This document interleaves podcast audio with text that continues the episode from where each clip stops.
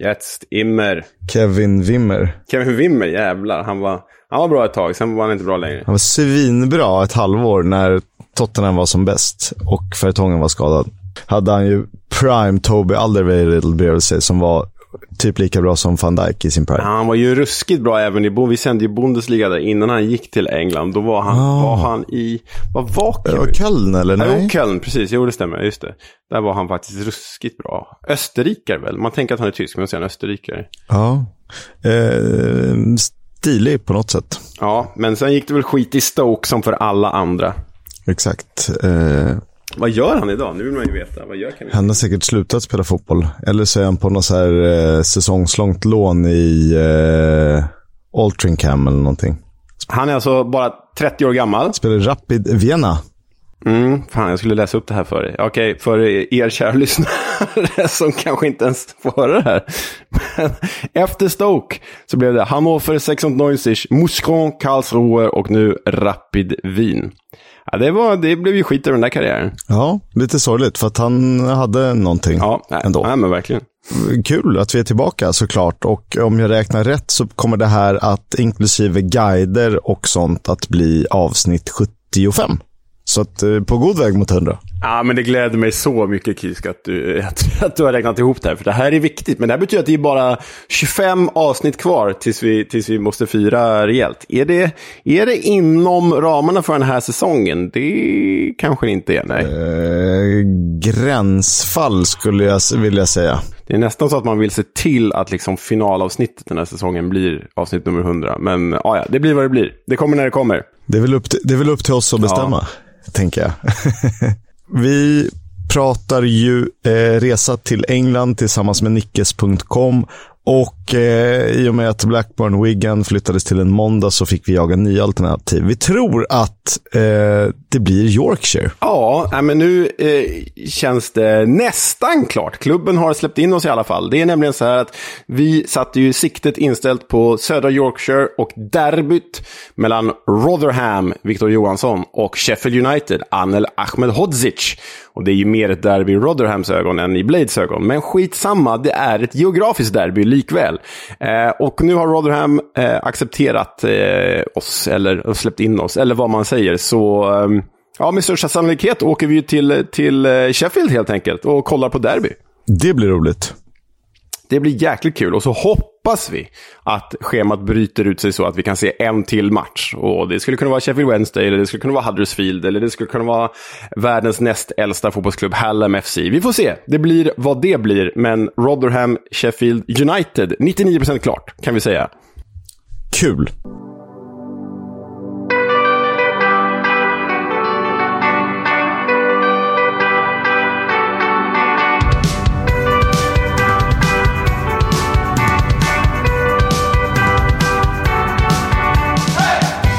Du lyssnar på Football's Coming Home, en podcast om Championship League 1 och League 2 med mig, Oskar Kisk. Och Leonard Jägerskiöld Welander. Allt är som vanligt. Nu ska vi blicka tillbaka lite. Eh, Det spelades ju matcher vi inte hann med eh, förra året, eh, alltså 2022, den 30 december. Så vi tänker att vi kortfattat går igenom dem eh, så länge de är något sånär eh, aktuella, vilket inte är så länge till. Eh, Och sen kliver vi på årets första omgång som ju färdigspelades under söndagen och måndagen. Eh, Schemat fortsatte att vara rörigt alltså. Så är det. Först ut kronologiskt eh, dagen före nyårsafton var ju Birmingham, Hull och eh, hjälten har vaknat. Kanske Hulls räddning den här säsongen. Ja, för det blev ju bara ett mål den här matchen och det stod ju colombianen med Oscar på ryggen, Oscar Estopinian, eh, för 1-0 alltså eh, till gästande Hall. Oscar Estopinian mål för andra matchen i rad och det behöver de, The Tigers. Eh, Eh, de hade en boll inne genom Ryan Longman, eh, dock offside, strax innan Estopinan gjorde det som blev då matchens enda mål. Eh, nummer 10 för säsongen totalt. Ehm, och det här blev ju fjärde raka utan förlust för Rosiniers Tigers. Tre kryss och en seger. Men eh, det, de hade ju faktiskt kunnat tappa poäng, för vem om inte John Ruddy, Birminghams veteranmålvakt, var, var närmast att eh, göra mål faktiskt. Nära en kvittering. Han nickade dock utanför i slutet, men det hade ju smakat på hans fina säsong. Det hade liksom krönt hans säsong på något sätt. Hade väl blivit andra eh, målvaktsmålet för säsongen. Just det. Eh, det var ganska skralt med eh, möjligheter som ledde till farliga chanser. 3-2 i skott på mål. Eh, man vet inte. Eh, tufft med Birmingham. Vi kan väl vänta med summeringen till lite senare, men 0-1 blev det när de möttes i alla fall.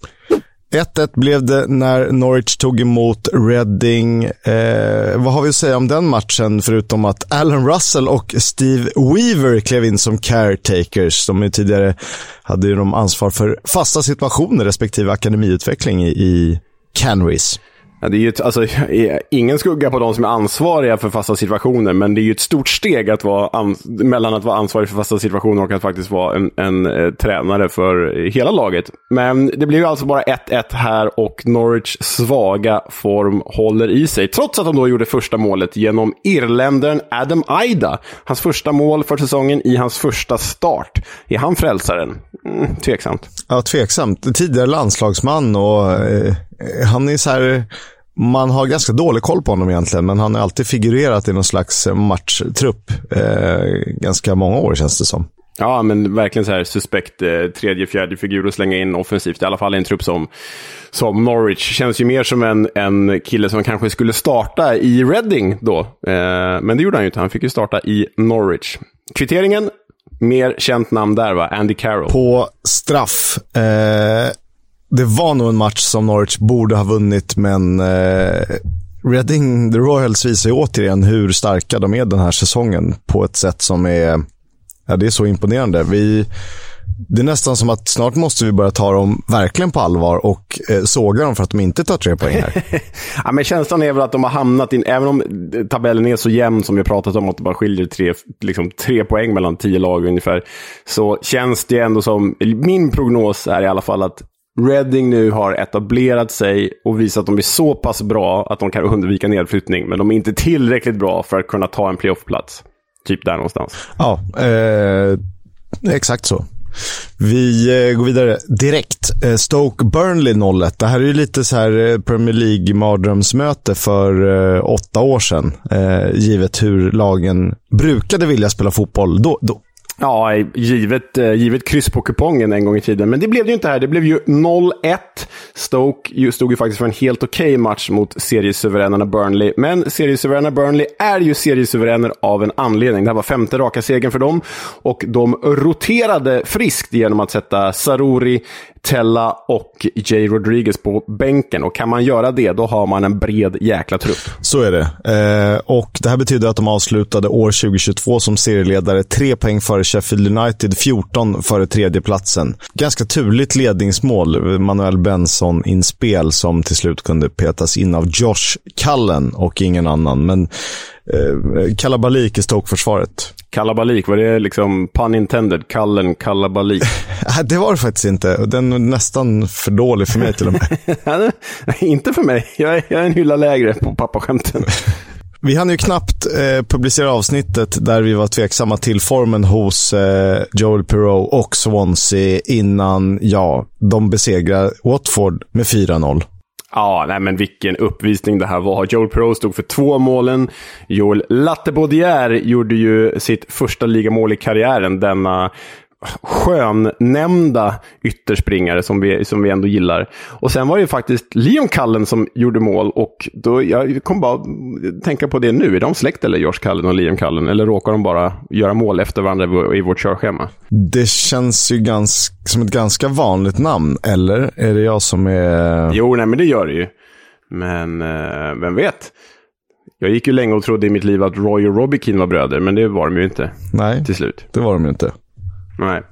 Det, som, det man kan säga om den här matchen är ju att eh, Watford hade en ganska lång skadelista. Ken Sema borta, liksom Joao Pedro, Imran Lousa, Hamza Chowdhury, Tom Cleverley, Edo Kayembe, Ray Manaj, Dan Gosling, Courtney House, Tom Dele Bashiru, Hassan Kamara som ju var avstängd. Så det är typ en startelva som, som saknas här. Ja, och det, det, är ju, det är ju bra namn också. Det är inte fringe players, utan liksom semi-ordinarie Joao Pedro, seriens bästa spelare. Imran Lousa, ordinarie. Hamza Choudhury, ordinarie.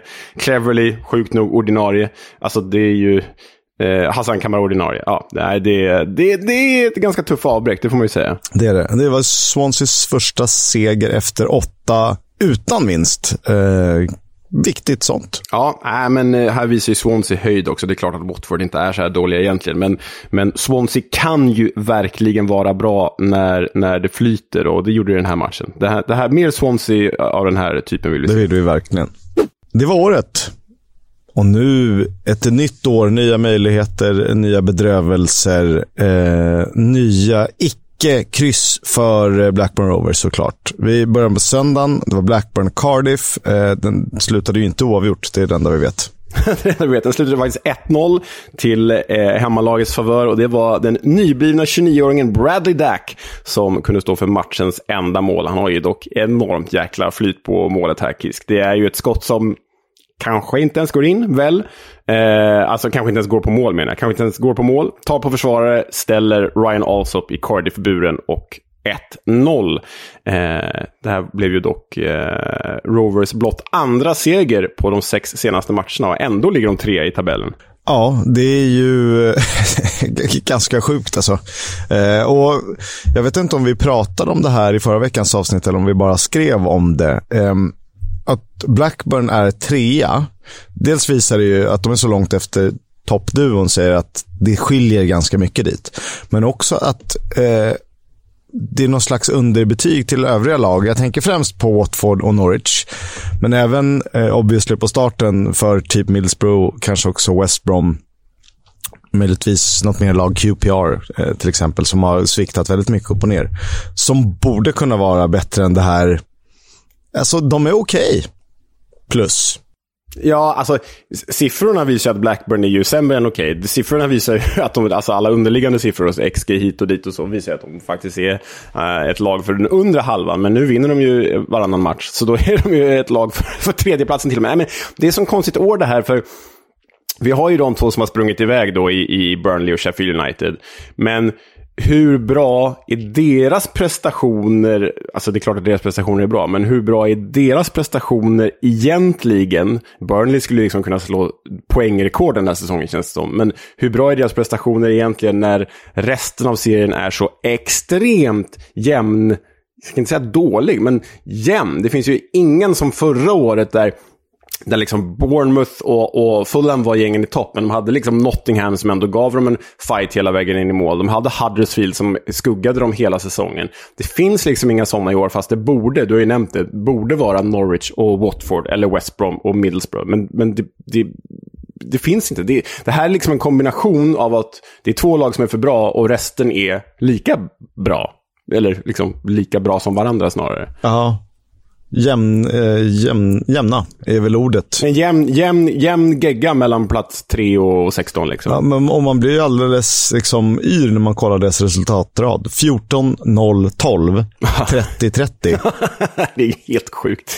Ja, verkligheten, verkligheten borde komma ikapp Blackburn den här säsongen. Jag hoppas inte det. Jag gillar Blackburn väldigt mycket, så de får gärna ta en playoffplats. Men det känns som att eh, siffrorna kommer att komma ikapp. De kommer nog förlora lite mer än vad de kommer vinna, i min känsla. Den här I, I slutändan är det ju resultaten som räknas och de har ju ändå uh, gjort det hyfsat bra bakåt och uh, har ju sin ganska charmiga offensiv med Ben Brereton Diaz och Sam Gallagher med flera. Till skillnad från Cardiffs uh, offensiv tänker på då. Seriens absolut sämsta. De snittar 0,76 mål per match och har nu gått tre mållösa fighter i rad. Det är inget bra. Det är ju komplett uruselt och det spelar ingen roll om man har CR47 på topp eller Precis. inte. Rovers är ju också det enda laget i Englands fem högsta divisioner som inte har kryssat än. Ehm, jag får mig att vi började tjata om det här redan i september och nu står vi här i januari, fortfarande ingenting. Ja, nej, det, det, är faktiskt, det är faktiskt overkligt. Eh, något annat som inte är lika overkligt, men liksom desto mer svettigt. Cardiff bara två poäng ovanför nedflyttningsstrecket nu och formen pekar ju allt annat än uppåt. Det, det kommer bli eh, över, det kommer bli nedflyttningsstrid för Cardiff den här säsongen. Visst blir det det, Kisk? Ja, men det, det, det är ett ganska stort gäng bottenlag där, eh, beroende på om man räknar in Hall eller inte. Det eh, kan ju skifta från dag till dag, känns det som. Detsamma gäller med Birmingham, som jag tyckte att för ett par veckor sedan ändå kändes helt ok. Eh, men så har du Birmingham, Stoke, Bristol City, Cardiff. Som jag tycker att alla känns för bra för en nedflyttningsstrid, egentligen. Eh, och Huddersfield som redan ligger på nedflyttning eh, känns för bra. Då har du ju Wigan, Blackpool och Rotherham. Som ju skulle vara ganska rimligt. Ja, det vore ju rimligt sett till nuvarande form, sett till bredd. Och förutsättningar och sett till kanske. förutsättningar, ändå. absolut. Så det, det, det, kan ju faktiskt vara så att de här som du, du nämner som för bra kanske inte springer ifrån den eventuella bottentrion vi pratar om. Men de kanske liksom långsamt pyser ifrån från dem om liksom fallen fortsätter för Rotherham, Blackpool och Wigan. Visst, men just nu är Cardiff inne i en bottenstrid. Just nu är de det. Och vi, det är de. Absolut. Eh, det är naturligtvis Rotherham också i allra högsta grad. Eh, de eh, gästade den och vi vet hur tufft det kan vara att möta Millwall på bortaplan. Ja, nej men det här var ju en, eh, vi gillar, eller jag överanvänder eh, klyschan överkörning, men det här var ju en överkörning. 3-0 på The den till hemmalaget och eh, Victor Johansson hos gästande Rotherham hade ju ja, hur bra han än spelar, inte en chans. 11-1 i, sko 11 i skott på mål eh, var det, slutade alltså 3-0 och då gör ändå Victor Johansson två dunderräddningar. En på den här, jag tror det är Tom Bradshaw som klackar den från, från målgårdslinjen, va? gör en supernick och, eh, superräddning och sen en, en slängnick andra halvlek som han räddar magnifikt bra. Eh, tuff match för Victor Johansson som gjorde allt vad han kunde för att hålla ner siffrorna. Ja, han kan verkligen inte beskyllas för någonting den här säsongen. Eh, och hur var det nu? Var Rotherham, hamnade de under strecket? Det gjorde de inte, va? Eh, nej, de är ju faktiskt en poäng ovanför strecket i och med det här. De var väl tillfälligt under strecket innan, innan eh, måndagsmatcherna spelades. Men, men eh, nej, det kan de inte heller ha varit. Nej, men eh, de är en poäng ovanför strecket alltjämt. En poäng före Blackpool. Men eh, fallet är ju fritt, som man brukar säga. Ja, nio förluster på 15 matcher under Matt Taylor. Och här tycker ändå, utan att gå in i detalj på eh, Matt Taylor versus eh, Paul Horn, så eh, har var det lite taskigt läge han fick ta dem i på något sätt. För att eh, nykomlingar brukar ofta vara starka, de hade mycket energi, de gjorde, spelade bra i början och eh, sen föll de och så försvann Paul Horn. Ja, äh, och sen har de ju faktiskt haft en del, en del eh, skador eh, under den här perioden också. Men man ska kanske inte gå så här dåligt. Alltså tittar man på, bara på de sex senaste matcherna så har man en målskillnad på 4-14. Uh, eh, och då har de ändå en storspelande Victor Johansson i mål. Det, det, det är inte bra siffror. Nej, men de saknar ändå nyckelspelare. Så, jag tror att det, alltså nu pekar allt på att det blir en botten tre-placering för Rotherham. Eh, det vore ju konstigt annars. Ja, nej, verkligen. Millwalls offensiv då, den är rätt härlig med eh, George Honeyman, Sean Fleming som tia, Fogelsammer i någon slags eh, ytterroll och så Tom Bradshaw på topp. Tom Bradshaw som gjorde ju två av de här tre målen dessutom. Så, mm. Nej, det är en fin kvartett, det kan man ju lugnt säga. Nästan lite omillwallsk på något sätt. Ja, och det som är lite omillwallskt är väl att de nu ligger på playoff. Eh, sjätte plats förvisso och delar poäng med både Middlesbrough och Luton som är före och efter dem. Men eh, det kittlar ju med ett Millwall på playoff, det gör det. Ja, det gör det. Vi vill ha upp Luton också. Även om det gick sådär förra året.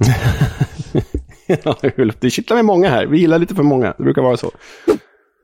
Blackpool Sunderland slutade oavgjort. Det var väl eh, söndagens tv-sända match om jag inte missminner mig. Eh, jag för mig att jag såg den här i alla fall. minnet minnet är, är kort. Ja, men det blev ju... Alltså det var nyårsdagen, så att, eh, bear with me. Ja, det är förvisso sant. Eh, det blev ju 1-1 här. Eh, de delade broderligt på poängen. Shane Lavery och Ross Stewart stod för målen. Eh, vi sa ju i förra episoden att Blackpool faktiskt har spelat rätt bra, men inte fått resultaten med sig. Um, här var det ju tvärtom. Här spelade de inte alls bra, uh, men fick resultatet med sig. För uh, dominerade ju fullständigt. Sandland hade alltså 18-6 i avslut och 68-32 i bollinnehav och ändå slutade 1-1 då. Eh, det är mycket tack vare Shane Lavery som blott gjorde sitt andra mål för säsongen, det första sedan augusti. Det är det. Vi imponerade ju ganska mycket mer förra säsongen, men det är kanske svårt att glänsa i ett Blackpool, och särskilt när eh, Jerry Yates stal alla rubriker under säsongsinledningen. Han är för övrigt eh, kallare än en fiskpinne just nu.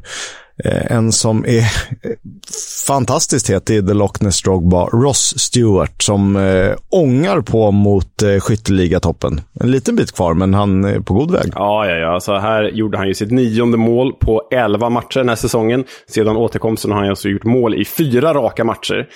Borde dock ha avgjort den här tillställningen. Han missade ju öppet mål med en slängnick efter, efter 1-1 målet. Eh, men visst, han spelar väl 1-1 med sig själv där helt enkelt.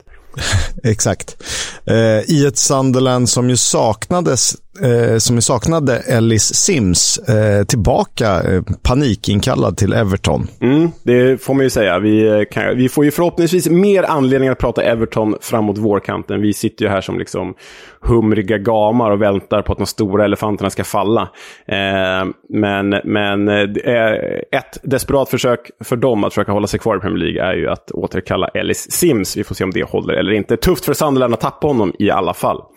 Blackpool har nu nio raka matcher utan seger. Det är den längsta segerlösa sviten den här säsongen i hela serien. Eh, vi ska inte säga att vi inte har sett det komma, men eh, ja, nej. Det är tufft liksom. Hur ska man gå? Sen har de ju tagit poäng genom kryss och det är väl bättre än ingenting. De har ju fyra poäng på de fem senaste mot Rotherhams, en poäng på de fem senaste. Men ändå. Men ja, de behöver, ju, de behöver ju börja vinna. Men det är ju, vi, vi sa ju redan förra avsnittet och eh, jag, jag tycker det tål att säga igen, trots att det är liksom massiv kritik mot Michael Appleton, trots att han verkar liksom smått bindgalen och paranoid, så känns ju, i alla fall i mina ögon, Blackpool som det lag där nere som känns charmigast och liksom spelar mest rolig fotboll. Och kanske faktiskt också bäst fotboll, i alla fall om man jämför med Rotherham, Huddersfield och Wigan. Ja, eh, tydligare spelidé kanske du ser och sättet de gör mål på brukar kanske vara likna varandra. Eh, något sånär i alla fall. Eh, Wigan hoppas ju bara att Will Keane gör eh, någonting drömskt eh, och så ska det vara klart sen. Eller att Telo Åsgård får liksom en snilleblixt. Ja, och Huddersfield är ju liksom superdestruktivt och kanske håller på att sätta några ramar där. Men de försöker ju spela liksom pragmatisk troglodytfotboll för att hålla sig kvar. Eh, vi får se om det, det räcker. Kanske gör det. Vi får se. Delad poäng blev det också när Bristol City gästade Coventry, en match där eh, Coventry hade spelet, eh, men där de för, vad blir det, andra matchen i rad inte lyckades eh, vara tillräckligt effektiva för att sätta punkt för den meningen. Nej, för det blev ju bara 1-1 och då hade ju Coventry ändå 16-9 i avslut och Jökeres på topp tillsammans med Martin Waghorn. De har ju, de har ju lite skador så Waghorn fick ju, fick ju starta. Men eh, det var inte Jökeres som gjorde mål för Coventry, det var Jake Bidwell och det var ju ett ruskigt skitmål. Har du sett det här målet, Kisk? ja, det är väl, skitmål är väl ordets eh, rätta bemärkelse. Ja, när alltså Bristol City-keepern Max O'Leary boxar ut bollen rätt i huvudet på Jake Bidwell så går den in i mål igen. de, de målen är lika viktiga och det är väl därför Oskar Stopinan är uppe i skytteliga-toppen. Ja, vi, vi kommer ju till hans nästa mål sen, för det, mål, det målet ska vi också prata om. Eh, ja, men Jake Bidwell med det där skitmålet och sen eh, klev ju vår, en av våra favoriter in i handlingen. Ja, men så var det ju. Eh, alla är favoriter i Bristol City. Eh, vårt liksom hopplösa favoritgäng. Det är lite som en... Eh, kanske Swansea var förra säsongen, så här tonårsförälskelse. Man vill att det ska blomma ut, men eh, det blir ingenting av det och så rinner det bara ut i sanden och så ser man, dyker någon upp på Facebook 20 år senare och så känner man, ja, mm. men ändå. Eh, det är Bristol City den här säsongen. Eh, Antoine Semenyo gjorde mål och det var ju ganska länge sedan sist. Ja, han nätade ju senast i september, Semenyo. Det här är ett bra typiskt Semenyo-mål. Vrider runt, du vet, 90 grader och bara dunkar in den i, i, i nedre bortre hörnet. Liksom. Eh, han, han mår ju bra, mer speltid, har ju hamnat i något så här konstigt tredjefjolsläge, vilket han inte i mina ögon inte borde vara. Han borde ju starta i, i det borde vara han, Nake Wells och Weiman i mina ögon. Eh, nu har det varit mycket Tommy Conway där. Och man gillar ju en egen produkt förstås, och han, han var ju en, hade en härlig start, men kvalitetsmässigt så, så tycker jag att Semenyo ska gå före Tommy Conway. Absolut. Eh, högsta nivå, ja. Eh, Eh, vi får väl se. Men eh, du vet vad jag kommer på att vi har glömt? Vi har inte liksom summerat säsongen med flopp floppar, toppar, eh, nyförvärv hittills. Det är sånt vi brukar göra. Och det har ju varit lite rörigt i och med att det har varit jul och nyår. Men det är kanske är någonting vi kan ta med oss till nästa vecka. När vi inte har några matcher att prata om menar du? Ja, det tycker jag låter som, låter som en bra idé. Det har vi ju, det är FA-cupen. Ja, just det, det har vi ju, såklart. Eh, så vi får väl se hur vi gör med FA-cupen där. Eh, vi har ju också ett, eh, vad var det du gav mig för roligt gäng jag skulle prata om? Det har jag till och med glömt bort. Eh, Bristol Rovers. Uff, drömmigt. Eh, från ett Bristol till ett annat Bristol. Eh, på tal om det. Men eh, där skulle man ju så här i, i nuläget sätta Andy Weimann som årets eh, flopp. Ja, det... Givet, givet hans högsta nivå och hur bra han var förra ja, säsongen. Ja, ja, verkligen. Och, och Bristol City som någon slags besvikelse. Det var ju för sig du och jag som, kanske framförallt du, men även jag som eh, tippar dem lite högre upp. Eh, där gick vi emot oddsen lite grann, får vi skylla oss själva tror jag. Coventry har ju tappat lite sen, eh, sen återstarten efter VM. Bara en seger på de sex senaste, en målskillnad på 6-8. Eh, så mål gör de inte tillräckligt många för att vinna tillräckligt många matcher för att kunna haka på där. Vi hade dem ju som en, eller vi såg dem som en liten outsider. De kändes som en outsider ska jag säga. Ja. Eh, men det är andra lag som har eh, tagit de kliven. Ja, och de har ju liksom bytt ägare och arenaproblematik igen. Och så tunn trupp som är utsatt för många skador. De har väl tre nyckelspelare borta liksom. Så, ah, Coventry blir väl ett mittenlag i år, i, i år igen. Och det får de vara nöjda med, med, med tanke på den historik de har haft. Men man gillar ju ett Coventry med, med i form. Man gillar ju den kraft som finns bakom klubben. Ja, eh, nu är ju inte alla Alexander Mitrovic säsongen 2021-2022. Eh, men ibland, ibland hamnar Gyökeres i liksom... Eh, det är för mycket upp och ner i hans, eh, i hans form. Och det är väl det som är kanske skillnaden mellan ehm, att han skulle prestera på en högre nivå eller inte. Det är det han måste slipa för om man ska förtjänas, eh, göra sig förtjänt av en flytt. Ja, men ja, du, du säger ju det här med, med, Stim. Han spelar ju i Stim. I alla fall de här ett och en halv säsongen vi har följt eh, eh, Championship så här noga. Eh, så det är ju ett problem. Ett annat problem som jag faktiskt sett på många Coventry-forum och, och hört i Coventry-poddar. Och, och, det är ju lite märkligt för han är ju liksom en av eh, seriens bästa målskyttar i de gångna två säsongerna. Men det som han får mycket kritik för, eller mycket kritik får han inte, men det som han får lite kritik för är ju att han bränner för många chanser. Eh, så han gör mycket mål för att han kommer till många chanser och det är ju en enorm styrka. Men, men skulle han liksom bara börja konvertera lite mer, nu har jag ingen statistik på det här, vi, det borde vi kolla upp till, till kommande avsnitt, men enligt bilden Coventry-supportrarna har av sin husgud, det är att han bränner lite för mycket chanser och hade typ kunnat göra 5-6 mål mer än vad han har gjort. Ja, men det tror jag nog han hade kunnat göra. Eh, men det är ju lite den lyxiga lotten en anfallare har. Man har råd att bränna på ett annat sätt än vad en, en målvakt har råd att göra tavlor. Ja, eh, exakt så. Så är det ju. Huddersfield Luton slutade 1-2 efter att The Hatters vänt på steken på eh, King John Smith Super Stadium, eller vad det nu heter. Nu för tiden. Precis. King Jones Powerbank. Uh, Select Cars Arena. Leasings. Nej, den heter eh, John Smiths. Ja, så, så enkelt. Det låter som en hittepå-arena. John Smith. ja, nåväl. Eh, Huddersfield, eh, Terriers, de är faktiskt nära eh, sin tredje raka seger här. Men Luton vände ju på steken som du sa. Dwayne Holmes, jänkaren, gjorde mål för andra matchen i rad när han gav Terriers, eh, hemmaspelaren Terriers ledningen. Men sen vände ju Luton på detta.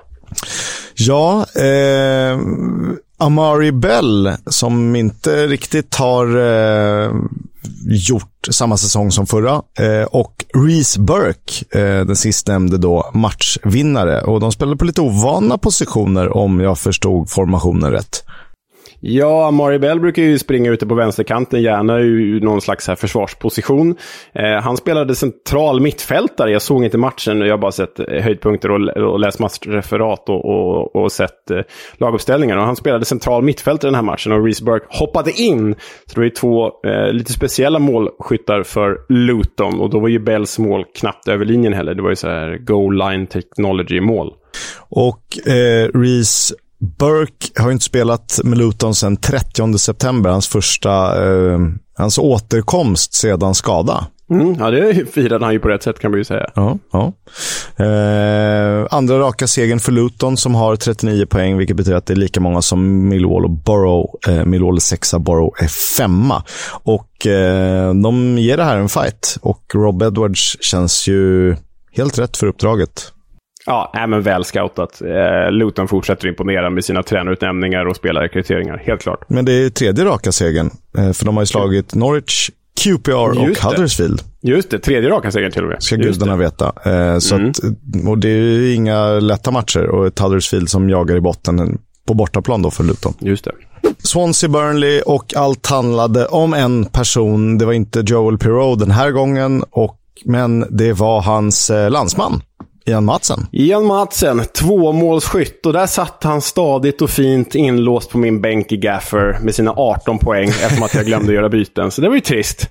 Eh, äh, men han, han, eh, det var ju stor show från den eh, inlånade holländaren här. Först en läcker frispark till 1-0 efter 13 minuter och sen ett Giovanni van Bronckhorst-skott som eh, Steven Bender i Swansea-målet inte kunde hålla. Nej, ruskigt bra av Matsen så nu alltså fyra mål och åtta framspelningar. Det, han har verkligen utvecklat det här i Burnley kontra hur han, hur eh, han var i Coventry förra året. Ja, och eh, jag tror att vi sa det om det var i förra säsongen eller om det var i guiden, eh, att eh, jättebra spelare, men den här typen av roll, beroende på om man spelar eh, vänsterback så kanske det inte finns samma behov för poängproduktion som om man spelar eh, en vänsterytter. Men nu är han ju mer vänsterback då eh, och äntligen har han fått igång det. Ja, nej men det, det här är ju en Premier League-spelare i vardagen. Du, du, du sa det så fint när du körde Remember the name. Så, så ja, vi, vi fortsätter hylla Ian Matsen, helt klart. Eh, Swansea hade chanser, men kom ju aldrig närmare än reduceringen från Ollie Cooper. Eh, alla tre mål inom matchens första tredjedel. Och då vill man ändå lyfta en sak. Det är, det är klart det är Burnley som är rubriken här, för jag menar de tar ju sin sjätte raka seger och så vidare. Men jag vill ändå lyfta en sak att Swansea möter alltså Burnley, som är seriens ja, men överlägset bästa lag, som gillar att ha bollinnehav. Och ändå är det Swansea som har bollinnehavet. 56 procent, såklart. Ja, såklart. Såklart. Det, vissa saker förändras aldrig. Nej. 11 eh, segrar på 10 matcher, alltså sjätte raka segern för suveräna Burnley. De har fem poäng ner till Sheffield United efter eh, veckans resultat. Och de har 14 ner till Blackburn på tredje plats. Och jag var tvungen att räkna. Eh, nu kommer jag inte ihåg exakt hur spelschemat låg och eh, omgångarna är inte säkert att i och med att det var lite pandemi i början av förra året, att de kan ha flyttat sådär. Men efter 26 omgångar den här säsongen så har Burnley tagit 56 poäng. Efter 26 omgångar förra säsongen tog Fulham 54 poäng. Ja. Eh, och på något sätt, de hyllade vi ju till skyarna eh, fullt naturligt för att de hade typ 20 plus mål bättre än vad Burnley hade. Så att det var kanske ett ännu mer underhållande Fulham, men i in terms of eh, efficiency, alltså Burnley, herregud. Ja, ja, gud. De har bara förlorat två matcher den här säsongen. Alltså, det här Burnley, som vi sa för en kvart sedan, de kan ju verkligen slå poängrekord den här säsongen. Det känns ju som det. Eh, och det är en kombination av att de, de är ju ruskigt bra och att serien kanske inte är så konkurrenskraftig. Alltså den är väldigt jämn, men den är inte så konkurrenskraftig som den, som den var eh, förra året. För jag, menar, Ja, men de... jag, jag tror mer att det är att den är så ruskigt jämn. Eh, för att det finns ju lag som borde kunna vara på ungefär samma nivå som Burnley. Det är bara att de har träffat lite mer rätt, gjort allting lite mer noggrant, eh, varit lite mer effektiva i alla moment. Medan, det är ganska tydligt, Burnley är ju den här säsongens Fulham, Sheffield United den här säsongens Bournemouth. Jajamän. Eh, Hittills kan vi skriva under på det. Blackburn är ungefär vad de var förra säsongen. Kanske kommer rasa. Middlesbrough är precis vad de var förra säsongen. De börjar klättra nu. West Brom är ju vad Forest var förra säsongen. Om det fortsätter i den här ja. superba takten. Så är det ju. Eh, och det blir väl... Det, du, du nämner ju både Middlesbrough och West Brom här. Våren som kommer blir intressant att se. För känslan är ju att Middlesbrough och West Brom kommer ju bara ånga på och ta tredje och fjärde platsen. Eh, Medan Norwich och Watford försöker lösa sina kriser på, på olika håll. Och då finns det ju liksom två platser öppna. Nu går jag händelserna i förväg, men Middlesbrough kanske slutar 11 och West Brom kanske slutar 8. Vem vet? Men känslan är att de kommer ta två playoffplatser. Och då har vi bara två kvar sen. Och det blir väldigt spännande. Ja, eh, det är som om man baserar det på form. Eh, det där är så svårt, för det räcker med att West Brom förlorar två och det händer lite. Då är de helt plötsligt typ lag 15 igen. Eh, så ja. att det går så galet fort i den här serien. Men de har ju fått ordning på någonting, liksom Middlesbrough. Vi ska inte gå händelserna i förväg, men eh, på tal om ingenting. Eh, nästa match att kommentera är West Brom-Reading. Ja, och det slutade ju 1-0 och äntligen får han göra mål igen man gillar ju, eller jag är ju oerhört svag för den här spelaren. Daryl Dike, den här härliga jänkaren som är en stor anfallsbäst. Han är ju liksom en så här... Ja, men egentligen, nu spelar han ju en nivå under vad Josie Altidore gjorde, men han känns ju som en bättre Josie Altidore stor som ett... Eh, stor som skyskrapa och väger 110 pannor och bara vräker in mål. Jag gillar Daryl Dike alltså. Så är det. Mm. Eh, trots att han inte vet om det är vad man ska ha i tvättmaskinen. Var inte han som körde diskmedel? Sån här yes typ. Legend. Jo. Jo.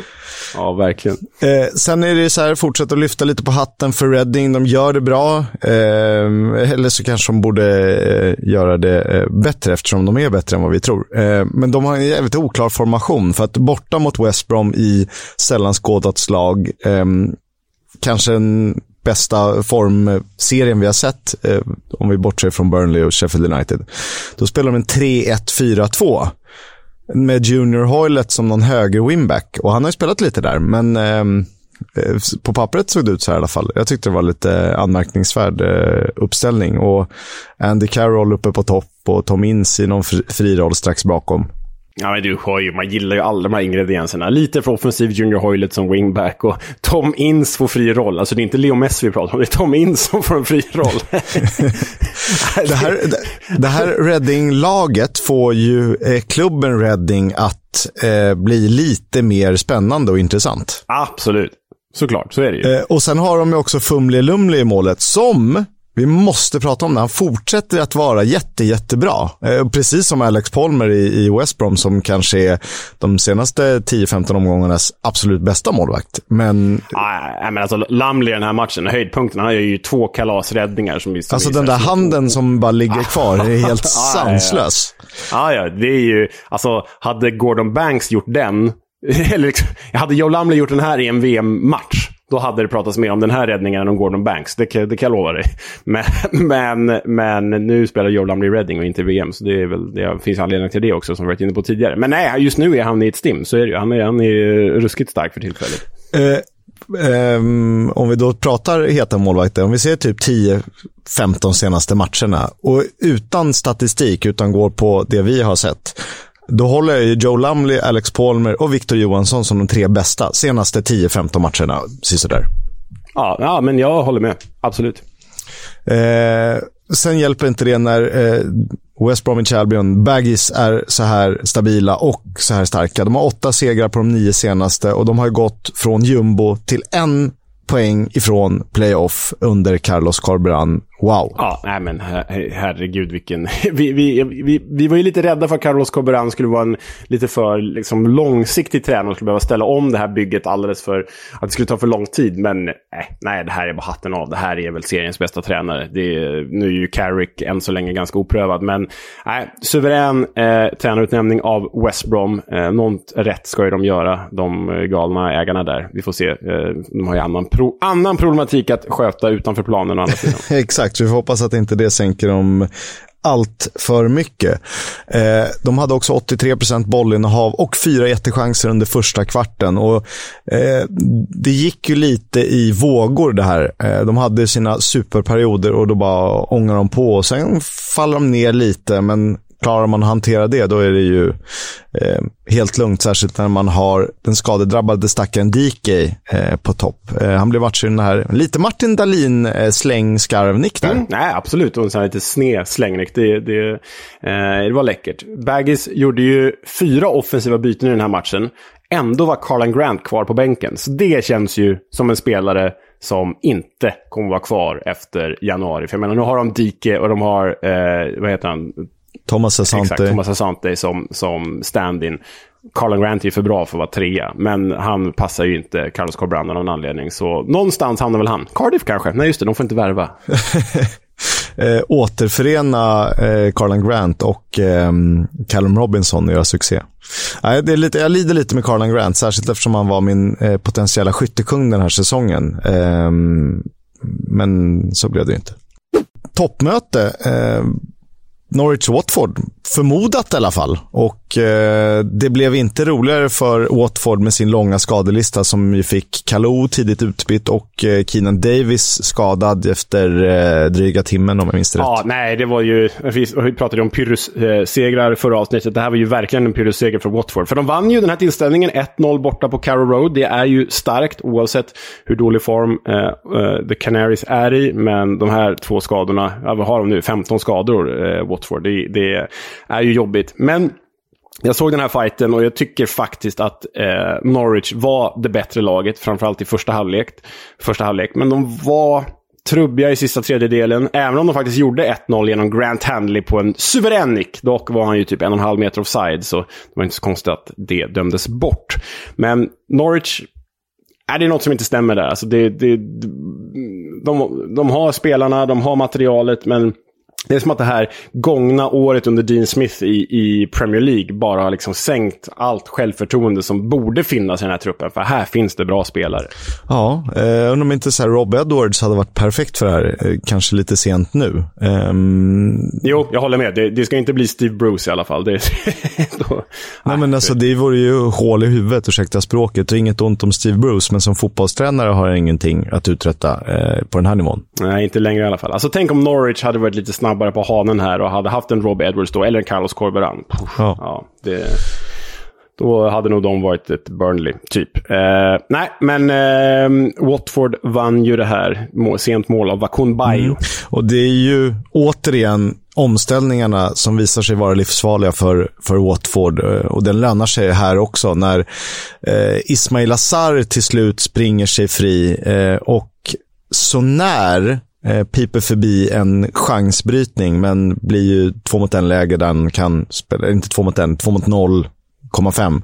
Han kan spela fram Wakumbayo som enkelt kan eh, sätta ja, segermålet helt enkelt. Och det är ganska sjukt att Daniel Bachmann lyckades slutföra den här matchen. Jag tyckte att han låg ner skadad. Alltså nästan allvarliga skador mer än han faktiskt stod mellan stolparna. ja, frågan om det var... Det är det sista de skulle behöva också. Första målvakten skadad. Ja, nej, herregud. Nej, jobbigt för, jobbigt för Watford och, och jobbigt för Norwich. För det skulle sägas att efter att Watford har tagit ledningen med fem minuter kvar, då har ju alltså eh, Norwich en frispark oh. signerad Gabriel Sara i bortre kryssribban. Den var värd ett bättre öde ändå, kan jag tycka. Ja, och det är svårt med de här eh, Gabriel Sara och Marcelin, Marcelinho Nunez-typerna.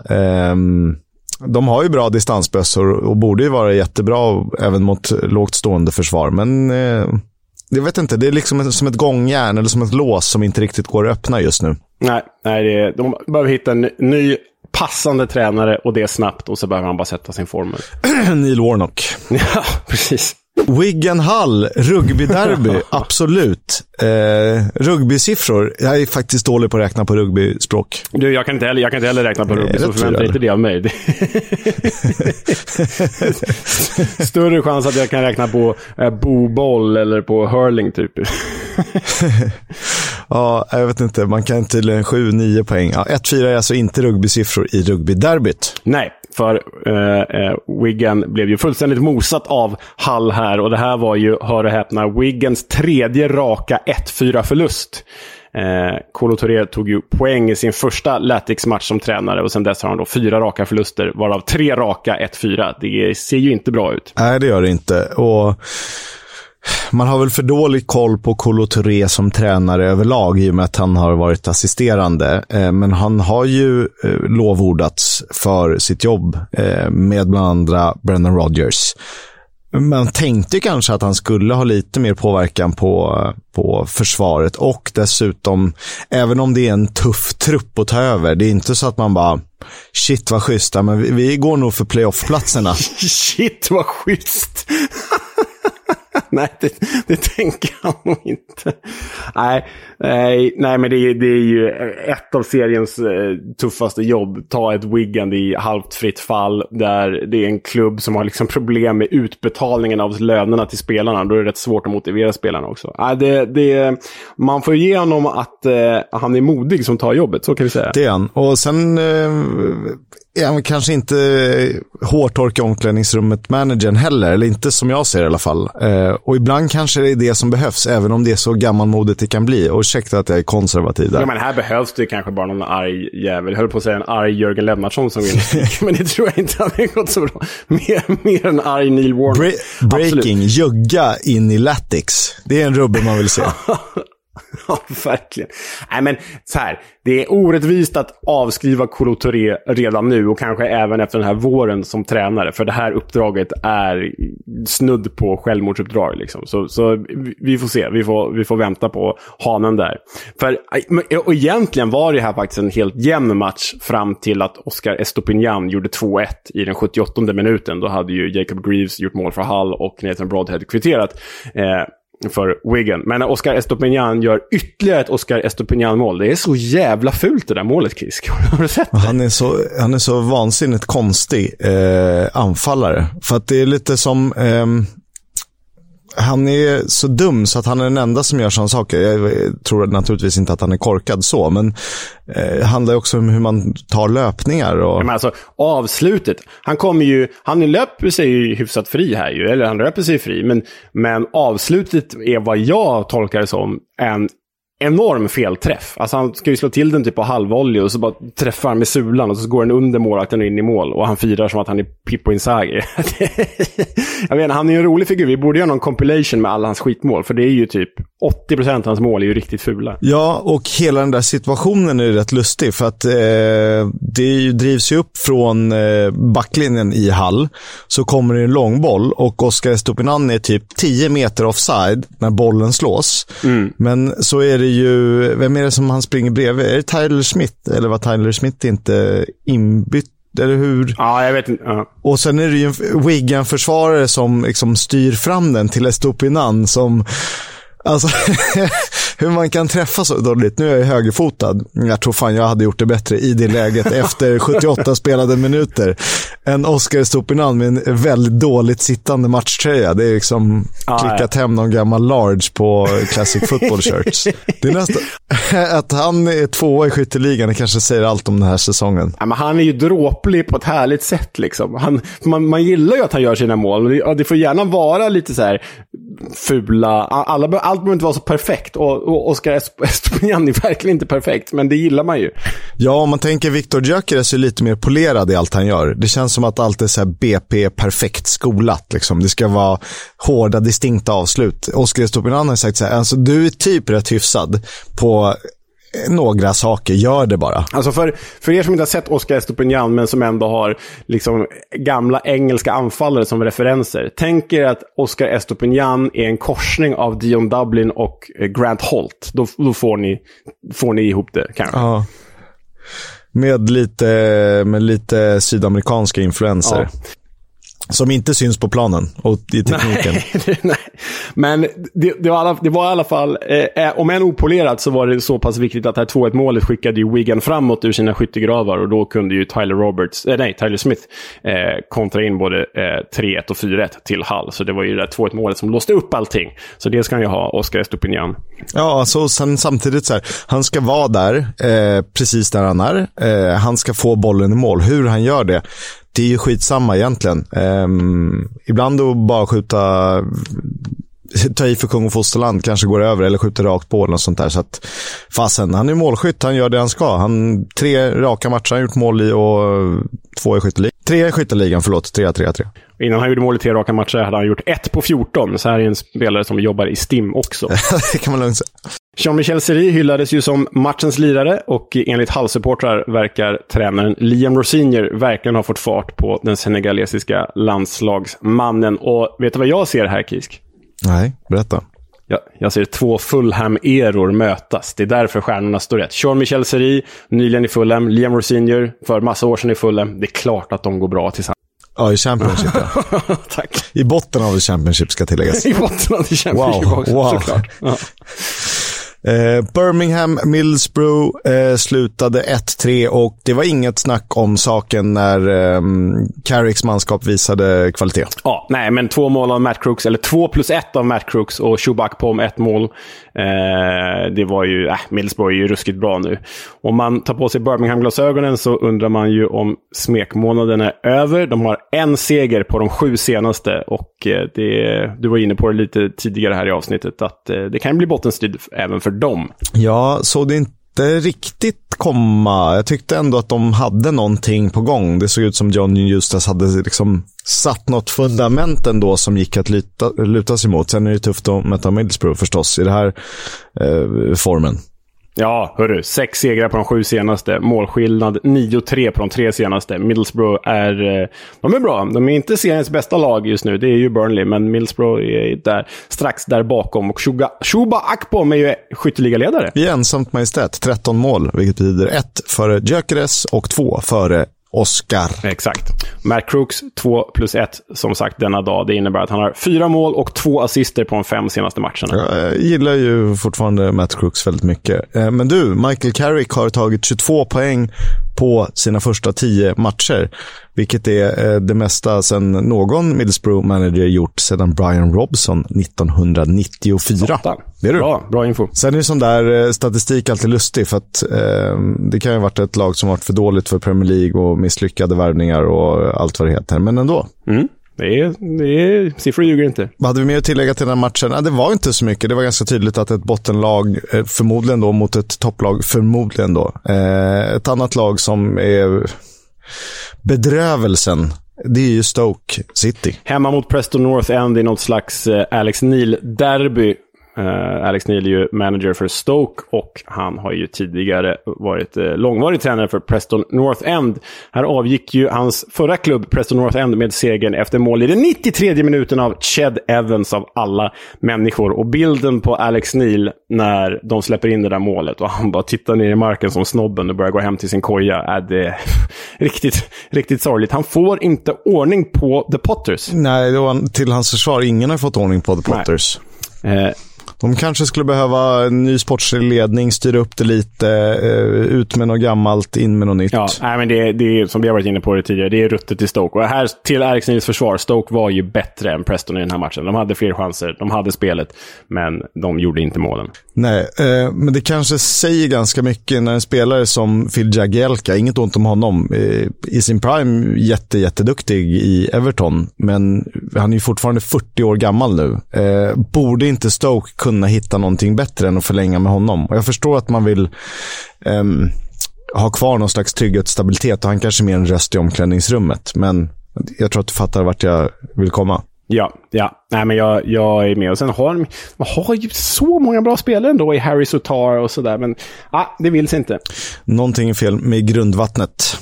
QPR Sheffield United var ju lite av ett toppmöte även om QPR har tappat mark. Och de hade kunnat haka på eh, playoff-gängen där, men det ville sig inte i slutet.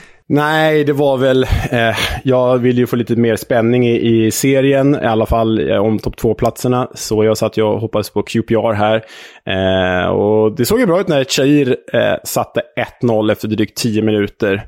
Eh, första riktiga avtrycket efter hans VM-äventyr, men skottet ställde ju Fotheringham i mål eftersom att det tog på John Egan. Comebackande John Egan blev olycksfågel där i, i Sheffield United. 1-0 alltså. Eh, och sen hade han ju lite mer problem, Fotheringham. Såg du den Kisk, när han tog bollen utanför eget straffområde? Ja, det är väl 50-50 eh, va? Eh, för att han har typ någon fot över. Jag hann inte riktigt se ordentligt. Jag försökte granska repriserna noga, men gult ja. kort är det ju. Han tycker inte domaren tycker. Nej, I men, I men eh, man, speciellt bara för man inte sett West Fodringham ute på sådana aktioner tidigare. Det känns väldigt trygg och stabil. Men det blev ju inget mer av det. Um, det blev ju bara en gult kort och frispark. QPR tycker i alla fall jag var bättre större delar av matchen. Inte så effektiva dock. Och då är ju Lyndon Dykes alltid inblandad när man pratar om ineffektivt QPR. Tycker ändå att han, även han gjorde en ganska bra match. Sl sluggish typ den här matchen liksom. Ja, ja. Jag håller med. Eh, tyckte han var, i den här matchen var han på rätt plats, men fick kanske inte riktigt så mycket material att jobba med som han skulle vilja och en, ja, de skulle behöva. Och sen, eh, det var ju jäkligt spännande i slutet alltså, för Sheffield låg ju på. De, de skapade inte så mycket chanser, men de hade ju bollen och liksom tryckte på och du vet, rullade runt QPR straffområde. Och till slut, med fem minuters stopptid aviserat, så gör de 1-1. I den 96 minuten, John Egan, som var olycksfågel vid 1-0 målet, han eh, kvitterar. Ja, det var ju dramatisk upplösning kan man ju säga. Ja, det var det. Eh, det är ju kul med den typen av eh, matchavgörande, men man lider ju lite med, med Loftus Road som var sekunder från att få fira segern. Ja, det var ju dessutom när den här eh, härliga ramsan “Come on you are”, när den bara rullade på läktaren hela tiden. Och så släpper de in 1 Tungt. Oh. Trist. Ja. Sen har de ju mycket kvalitet i Sheffield United. Jason McAtee har vi kanske inte pratat så mycket om än, men det är ju en, eh, det är en otrolig guldklimp. Ja, det börjar bli dags för remember the name för, för honom. Han, är ju, han känns ju som att han kan göra en Phil Foden-karriär. Så bra tycker jag att han, han är. Och givet den, den klubb han faktiskt tillhör så, så är det inte orimligt. Ja, det får väl bli eh, McAtee, James McAtee och ingenting annat. James McAtee. Ja, det är jag som har skrivit fel här. Man tänkte på Jason McAteer. Klassisk ja, såklart. såklart.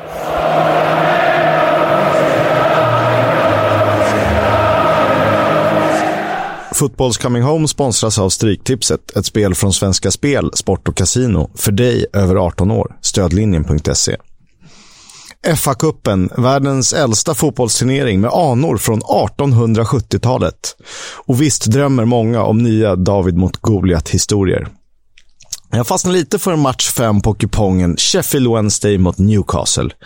Även om det kanske inte borde skilja så mycket så är det rätt stor skillnad på enormt nyrika Magpies och The Owls som skulle varit i Premier League 2017 men som sedan 2021 spelar i League One. Sheffield Wednesday går dock bra i tredje divisionen och ser ut att vara på väg mot uppflyttning. Å andra sidan är ju Newcastle höstens kanske näst största överraskningslag i Premier League. Och det skiljer faktiskt 42 placeringar och ett par miljarder i budget mellan lagen. Men här är en möjlig skräll. Leo då, vad har vi på kuppen? Eh, nej, men man älskar ju FA-cupen. Det är nu man får chans att se alla de här. Alltså, jag vet att det finns många där hemma som tänker så här. Åh, Liverpool Wolves, det ska bli härligt. En härlig eh, kupongklassiker liksom. Den, den ska man kolla på. Men jag är ju, vill ju vara lite svårare än så.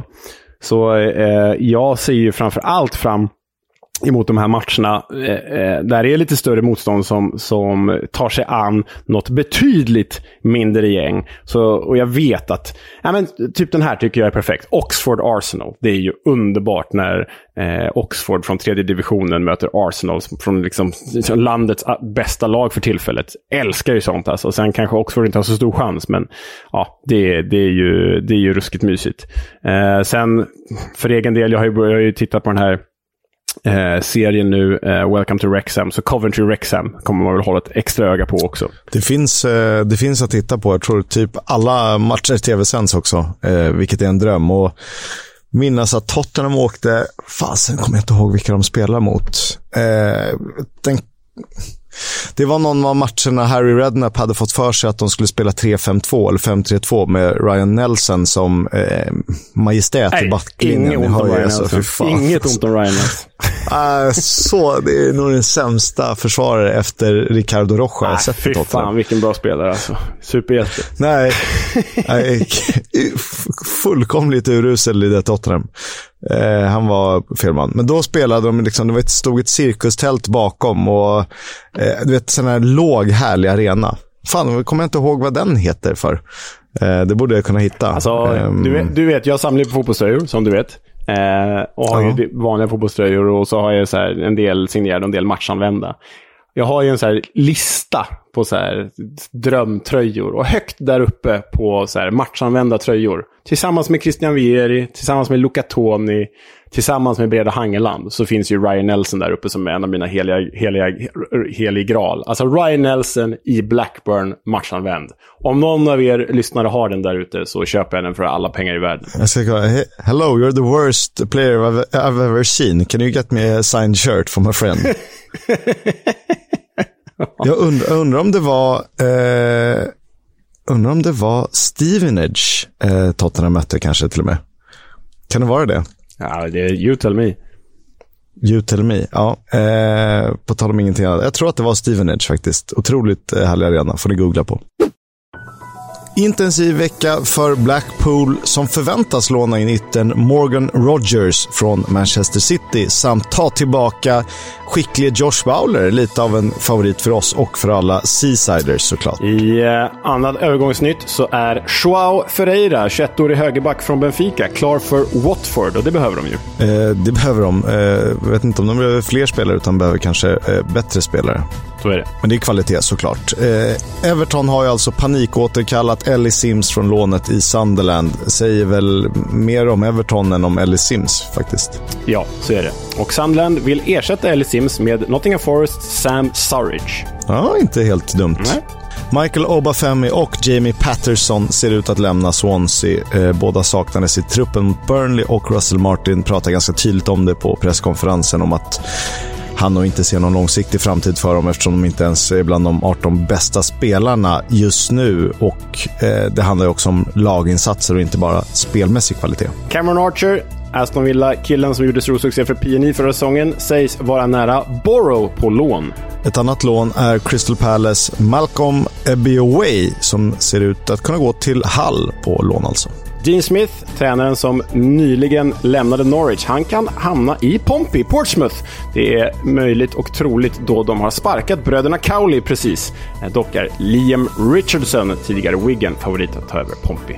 Connor Wickham eh, är utan klubb. Du vet, en av våra favoriter. En falsk eh, Jordan Rhodes, som en falsk Grant Holt, som en dålig Rick Lambert, etc. etc. De här anfallarna som är bra i Championship men som inte riktigt håller i Premier League. Jag vet inte ens om Connor Wickham var eh, tillräckligt, men han hade eh, spelartypen för det. Han är utan klubb efter att kontraktet med Forest Green Rovers löpt ut och det känns ju som han borde kunna lösa ett eh, League One-kontrakt även om hans siffror senaste typ eh, alla åren inte är så imponerande som de kanske borde givet talangen i honom. West Bromwich ägare Guoshan Lai, med reservation för det kinesiska uttalet, Eh, han har missat ytterligare en deadline att betala tillbaka ett lån till sin egna klubb på 5 miljoner pund. Och eh, det är flera, så många missade deadlines nu att det börjar kännas som att han undviker att betala tillbaka West Brom med flit. Och det är alltså den typen av ägare som West Brom har. Cardiff eh, kan vara på jakt efter ny tränare. Det är, ja, vi har ju pratat om deras ganska bedrövliga form och då är det givet att man går för att göra förändringar och eh, de tränas ju av Mark Hudson i nuläget. Vi får väl se. Vi har lite mer att berätta senare i programmet. Per Malmqvist Stolt är ju en härlig kille, en bekant som ju också har skrivit boken eh, Tipsextra, eh, förutom att han är en flitig resenär till England och har ju eh, väldigt bra koll på engelsk fotboll. Särskilt det som hände förr. Det vi gillar, det vi drömmer om, eller hur? Ja, nej men det var då. Alltså den här, eh, eh jag har ju den boken här bakom mig i, i bokhyllan. Den släpptes ju på samma förlag som jag skrev Fotbollens heraldik om en gång i tiden. Ska vi se hur den har den där. Tips extra, Per Malmqvist Stolt, där ligger den ja. Pincho, inklämd mellan När bollen rullade vår väg och The Football Shirt Book av Neil Hurd.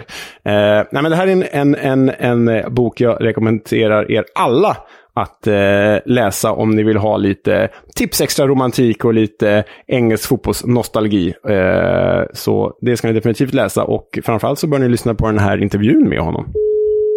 En bok som alla engelska fotbollsälskare måste ha i sin bokhylla heter Tips Extra eh, och det känns väldigt roligt att eh, ha Per Malmqvist med här. Eh, du kan väl få börja berätta om hur din relation till engelsk fotboll och eh, hur den började egentligen. Ja, den började ju via Tips Extra. Eh, det var ju det var ju så jag kom in i det. Och det, det, var, det var samma upplevelse som många andra tror jag i min generation har. Det vill säga att Tipsextra stod på på ehm, eh, eftermiddagarna. Och eh, Det var lördag eftermiddagarna och, och då satt oftast, oftast pappan satt och tittade på den tiden. Eh, min pappa var inte alls intresserad, men jag var liksom i vardagsrummet, lekte och undan för undan så fastnade de här eh, figurerna på på rutan i mitt sinne och jag eh, började titta allt mer nogsamt och eh, det där växte in och till slut var jag helt fast. Och när jag var runt 10-11 så var jag helt tipsextrafierad och engelsk fotbollsgalning var jag, kan jag säga som eh, många av oss andra. Eh, vad tycker du kännetecknar engelsk fotboll om, om du får beskriva det? Eh, och du får väl välja både liksom, nutid eller dåtid eller en mix av det. Alltså för mig, det som, det som gjorde att jag, det som jag uppväxt med och det som, som jag eh, förälskade kanske att ta i, men det är någon form av passion i alla fall. Det är ju den här eh, eh, den här känslan att ligga rätt nära supportrarna hela tiden. Det är alltså en fotboll eh, som eh, där, där spelare, förr i världen i alla fall, nästan var som en del av supporterskaran själva och liknande. Det är också eh, fotboll, om man till exempel går, jag brukar ofta gå på Goodison Park där Everton spelar.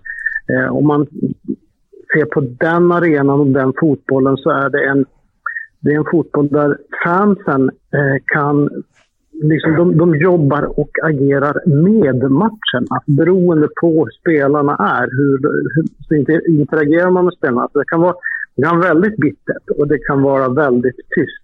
Men händer någonting, en tackling, de visar någonting som stämmer med den här personen, då, då blir det ett, ett liv som, som är svårt att liksom mäta. Och det här upplever jag ibland, det är inte på samma sätt i många andra länder där man där, där till exempel klackar sjunger hela tiden och där man har eh, kanske festligare stämning och så vidare. Det är lite mer nervöst när man går på engelsk fotboll och sådär. Men just den här närheten och sen är det väl de här tv-bilderna där det oftast ser kyligt ut. Eh, eh, och jag är ju uppvuxen uppe i Boden, det var kyligt ute också. Och då, då fick man någon form av, av, av känsla som, eh, som lever kvar och som man, vill ha, som man också vill ha kvar. Därför gillar jag också när det blir lite mera tacklingar, lite mera fart, lite lerigt. Det får inte vara för vad ska man säga, tillrättalagt. Idag är de så fantastiskt skickliga och idag är allting så bra på planen och så vidare. Så det är inte riktigt samma sak, men, det är en annan fotboll.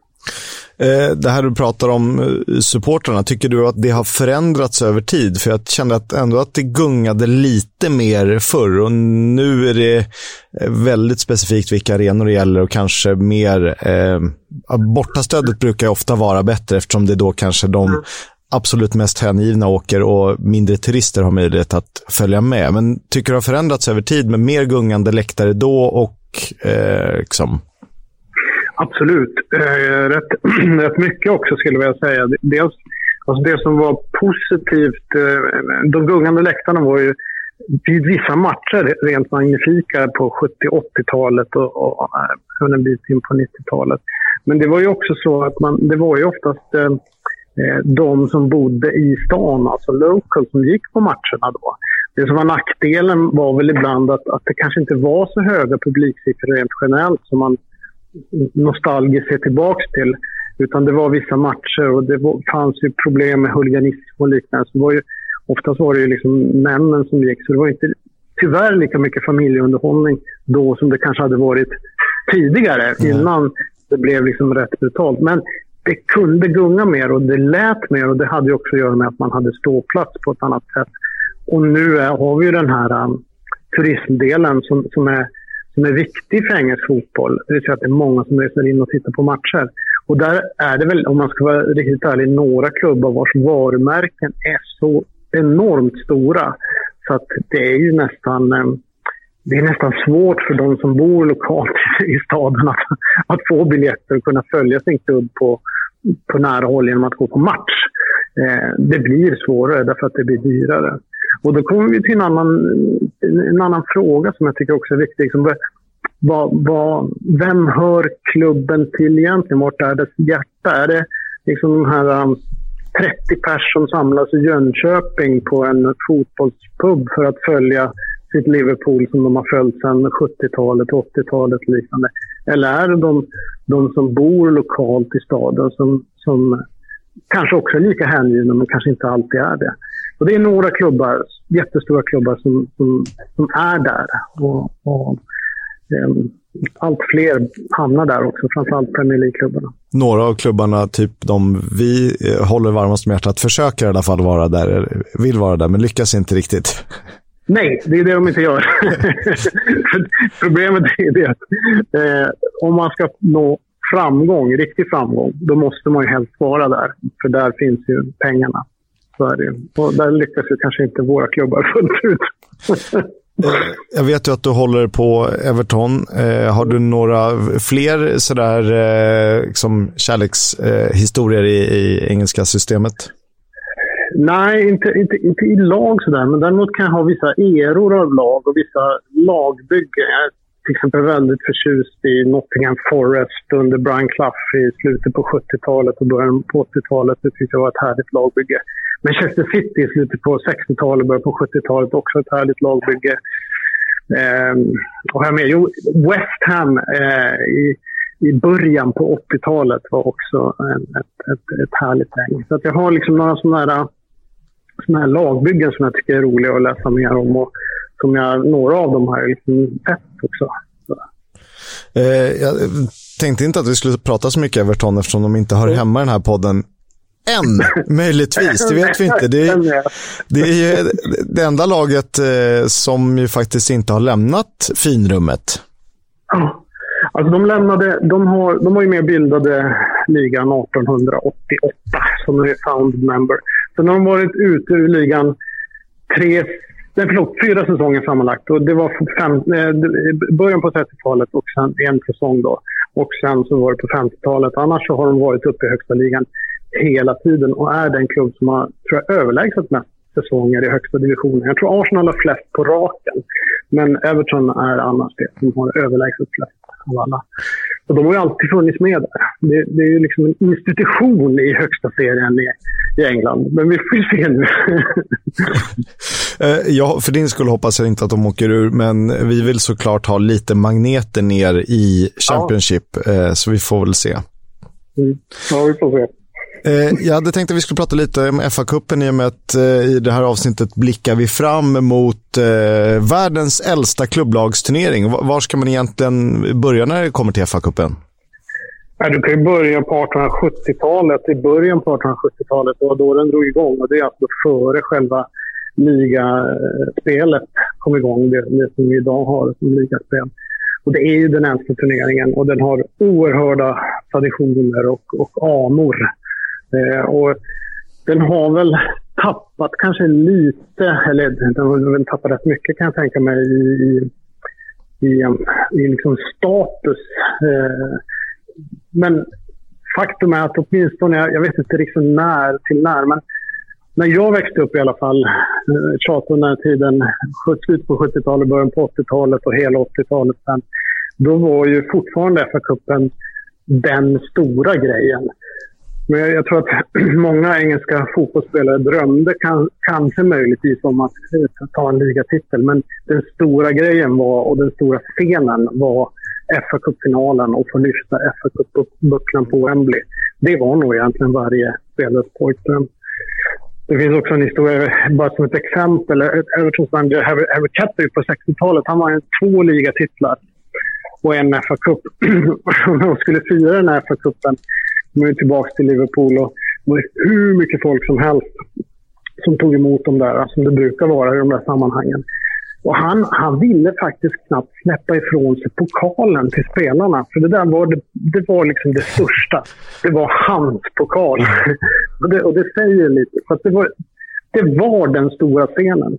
Kanske inte är det längre, men det finns fortfarande en, en, en lyster över det i alla fall, tycker jag.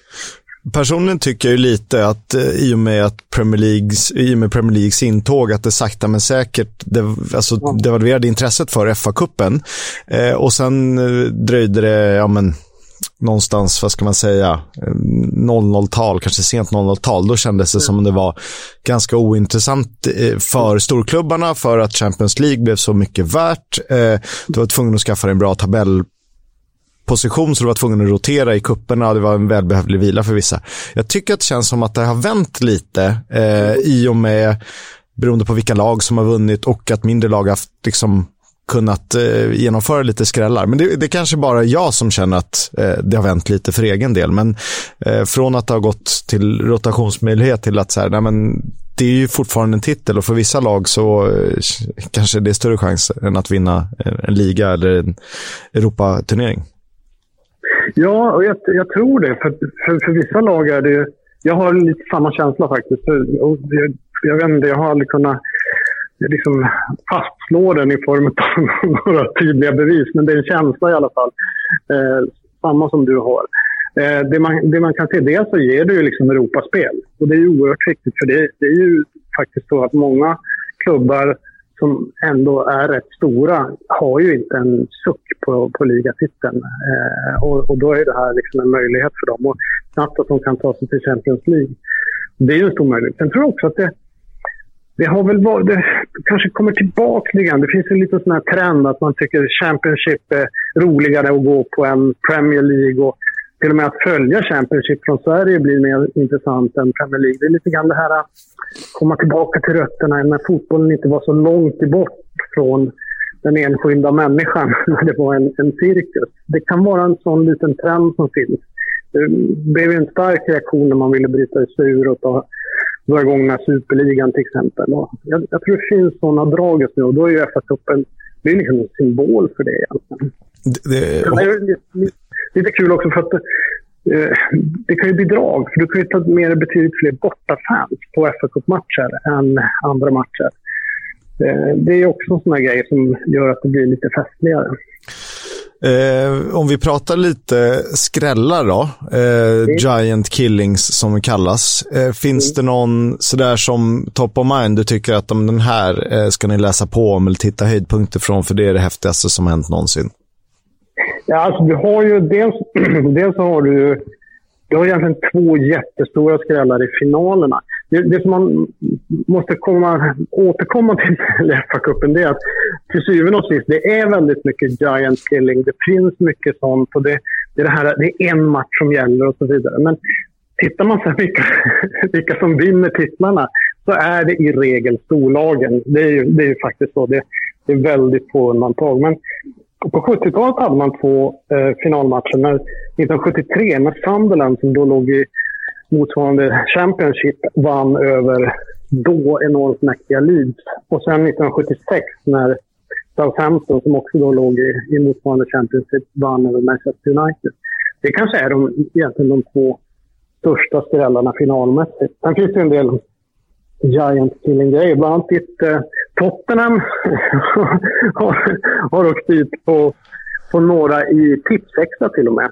Eh, jag vet att det var 1988. Tipsextra sökte ju ofta de här. Tipsextra sände ju ofta tredje omgången och fjärde omgången. Och ibland också även kvartsfinal. Vid två tillfällen har han ställt sänt semifinaler.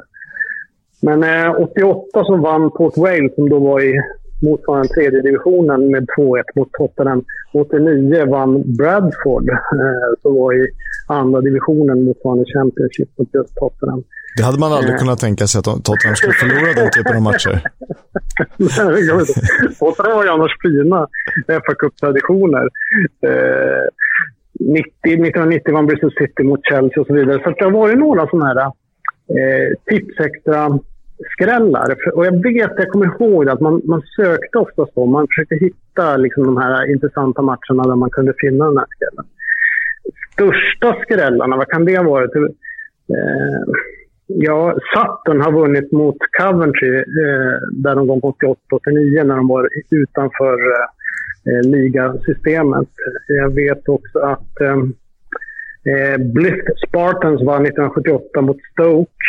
Eh, Hereford vann mot eh, eh, Newcastle, tror jag det var, eller något liknande. Eh, nej, West Ham vann de mot eh, 1972. Så det finns några sådana där skrällar. Eh, men inte så många ändå som man som man kan tro. Och det är liksom i de nedre, eller den första delen av, av. Det är alltid härligt med David mot Goliat-historia. Det är tredje omgången till helgen, alltså då eh, topplagen från de två toppdivisionerna kliver in. Om vi blickar framåt lite och tittar på finalerna. Vi har ju pratat om oändligt mm. många roliga finalhistorier i eh, den här podden. Det har varit White Horse Final och det har varit brutna ben och övertider som har försvunnit och rekordpublik. Vad, vad är liksom, eh, om vi, du får välja topp tre eller kanske den största, då, häft, häftigaste finalen eller roligaste finalhändelsen? Om vi... Jag är väldigt förtjust i den här finalen. Det var 1979, Arsenal mot Manchester United. Där eh, det var med Arsenal, Ian Brady och hela det gänget. Där Arsenal leder med 2-0. Och sen när det är liksom bara några minuter kvar så går United upp och kvitterar till 2-2. Och så väntar alla på förlängning. Men sen så avgör ändå Arsenal i typ sista, sista minuten, eh, skälvande minuten där och vinner med 3-2. Det är, liksom, det, är, det är en match som bara svänger på några minuter i slutet och det händer rätt mycket grejer där. Eh, en annan favorit är en, en, final som jag själv inte sett live eftersom jag inte var född då. men, men, jag har den på video. Det är mäktigt. den var VHS-band. och det var final 1966 mellan Everton och eh, Sheffield Wednesday. Och eh, då var det faktiskt så att eh, Sheffield Wednesday ledde med 2-0 även den matchen och Everton vann med 3-2. Och det var, det var, på den tiden var det en av de mer underhållande finalerna. Det var inte så mycket målkalas på finalen. Det var ju många år där när jag växte upp när det inte var så jäkla mycket mål i de här finalerna.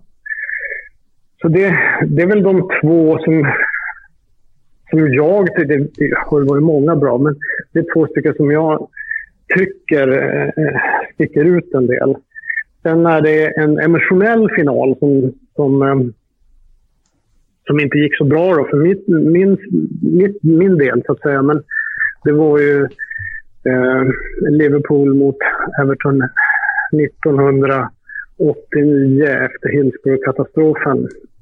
Eh, när, när Liverpool till slut vinner med 3-2 efter förlängning. Men det är en, det är en oerhört nervig, oerhört emotionell tillställning. Det har ju varit så att Everton-fansen hade ju varit med och liksom byggt halsduks, eh, eh, alltså såna här halsdukslinjer mellan arenorna. Och det var blåa och röda halsdukar om vartannat för att hedra minnet av de här. För det var ju liksom, alla kände ju varandra där och det var inte så stor skillnad på, på Everton och Liverpool-supportrar förutom vilken, vilken klubb man höll på. Och, eh, där var det också så att man hade tagit bort de här stängslen som fanns, eh, eller de här hemska stängslen som fanns inom, så att man inte skulle kunna springa ut på arenorna. Det var ju det som gjorde att man klämdes ihjäl på Hillsborough. Jag vet att det var såna här äh, planinvasioner. Folk kunde inte hålla sig från att springa in, men man liksom motade in dem och så vidare. Det där var en, det var en oerhört emotionell tillställning tror jag, på många sätt och det märktes också. Ja, det påverkar ju spelet eh, såklart. Du har ju varit eh, väldigt mycket i England, vet jag. Vad, mm.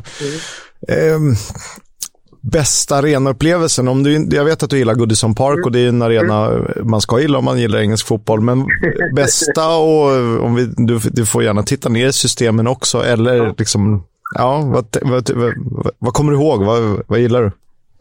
Jag, jag är ju rätt, var ju rätt förtjust i Griffin Park, alltså Brentfords gamla arena. Jag tyckte den var rätt mysig.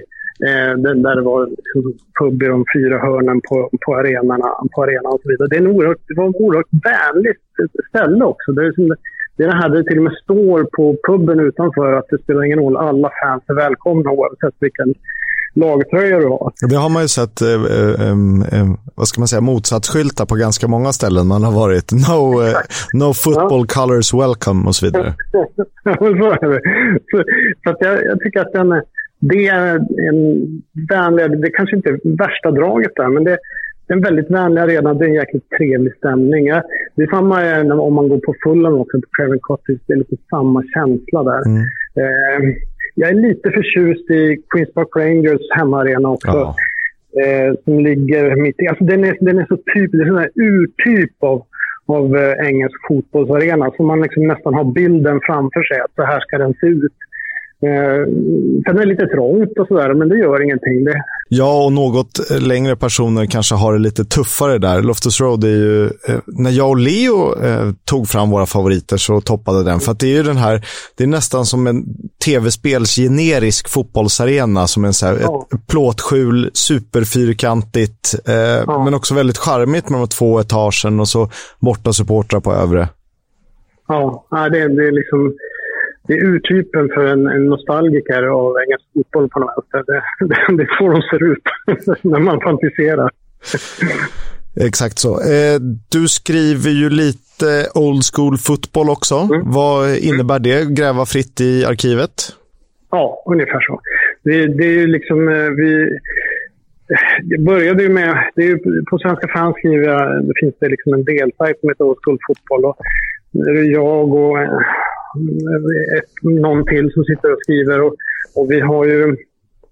Eh, vi kommer att ta in ytterligare någon för att kanske, kanske framöver också eh, titta på andra sätt att uttrycka oss på. Men det har varit mycket så att vi går in och, och, och skriver lite grann om eh, Eh, fotboll från förr, engelsk fotboll, men det har också blivit, eh, det har också blivit mer eh, eh, internationell fotboll, landslagsfotboll. Vi letar efter historierna egentligen. Det är det det handlar om. Och från början var det ett sätt kanske att marknadsföra, marknadsföra eh, tipsextraboken som jag hade. Eller liksom att lyfta den på något. Sen har det där fastnat och blivit kvar. och så har jag bara fortsatt att skriva där några stycken.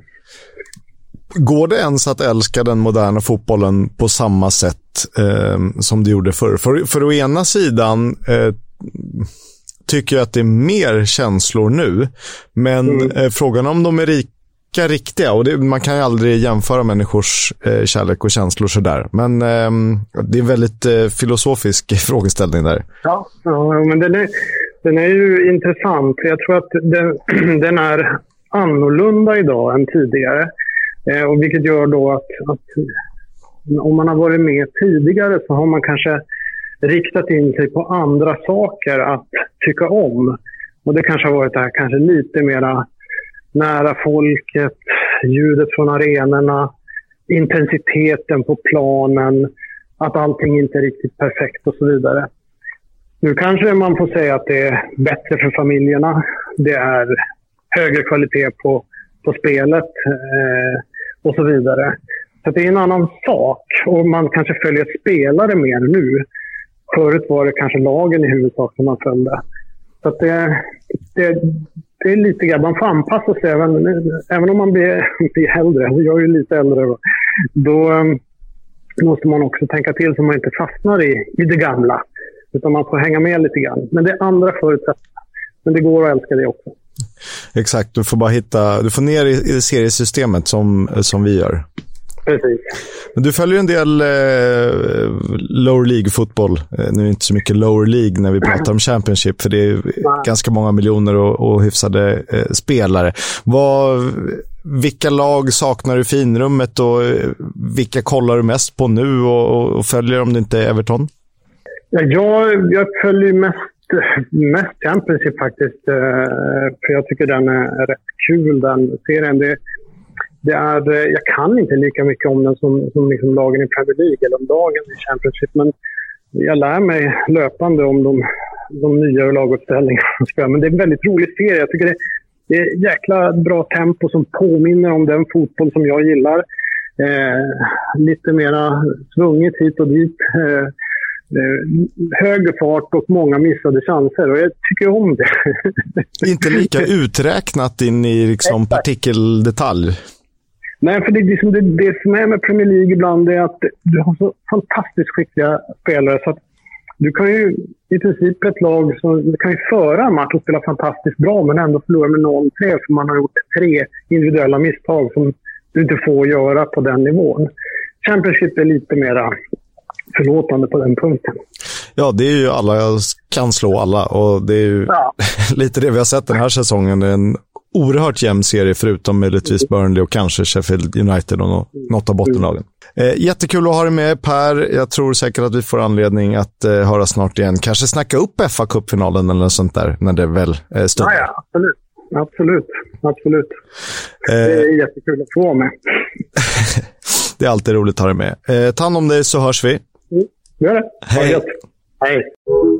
Ja, kul att höra Per prata om eh, sina upplevelser och berättelser och historier och drömmar och, och, allt sånt där som är bra. Ja, nej men han, eh, Per Malmqvist Stolt, han eh, har ju ett konto då också? Är det på, är det old school fotboll? Vad är det han driver? Exakt, exakt. Old school fotboll driver han, eller hur? Ja. Eh, exakt. Det, det eh, kan ni alla följa också. Det är mycket trevligt. Mycket engelsk fotbollsnostalgi. We'll have a chat about the fucking game. About your game, last few months, last few weeks. Fucking character. Det har ju börjat susas i trakterna runt Cardiff City att det kan vara någonting på gång. Eh, Mark Hudson, nuvarande manager för klubben, men det kan vara så att en viss Neil Warnock är på gång in. Ryktena, eh, ja, florerar. Nej, men det vore ju det vore lika sjukt som underbart. Det är klart att Neil Warnock ska ta över Cardiff och rädda dem kvar. Åh, det är alltså bisarrt rykte och vi får nog ta det med en rejäl nypa salt. Men, eh, men roligt vore det. Det vore det. Så låt oss blicka tillbaka till när Neil Warnock jämförde Sol Bamba och eh, Virgil van Dijk. Det är ju eh, Ja, det är ju kvalitet. I suggested we buy him for six million pound at the time. And the chief scout said he, he wasn't quick enough and uh, um, he was playing in the Scottish League, which didn't, you know, and he didn't, he didn't see him stepping up to the level that we were looking for. I hope he's watching this morning, the chief scout. You know, 75 million. I think Van Dijk's got attributes, better attributes on the ball than Sol Bamba. I don't think he's a better defender. I think Sol Bamba is slightly better than Van Dijk, defensive wise. I think Van Dijk's got more on the ball, more confident on the ball, and you know looks looks easier on the eye. But I don't I don't think he's better defensively. ja. Men, eh, han är ju stor i orden, den gode Neil Warnock. Och den, inget ont om Solbamba. Solbamba är en förträffligt bra mittback. Kanske bara inte lika bra som Virgil van Dijk. Lite stora ord. Eh, nej, det gick något, något sådana olika håll. Ja, eh, det, det, kan man ju säga. Hörni, det var eh, allt för idag. Eh, vi har mycket intressant att blicka fram emot. FA-cupen förstås. Vi ska väl återvända med lite The Club också. Bristol Rovers såklart. Remember the name, James McAtee. Ja, Ja, mycket fram emot. Och kom ihåg den här eh, resan nu. Nu vet vi att vi åker till södra Yorkshire. Nu blir det Rotherham mot Sheffield United. Följ med oss, kolla våra eh, eh, pushar på sociala medier om resan och gå in på nickes.com. Och eh, häng med oss till södra Yorkshire. Det blir eh, quiz och grejer. Det kommer bli kul. Pubrundor och sådär. Exakt. Ciao. Hej. Upptäckta vägar, de han tar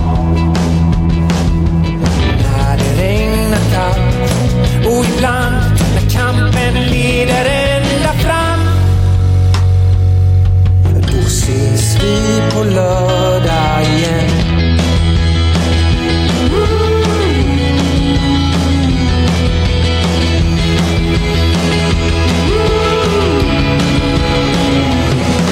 Min son, min son, du kommer väl aldrig bli som jag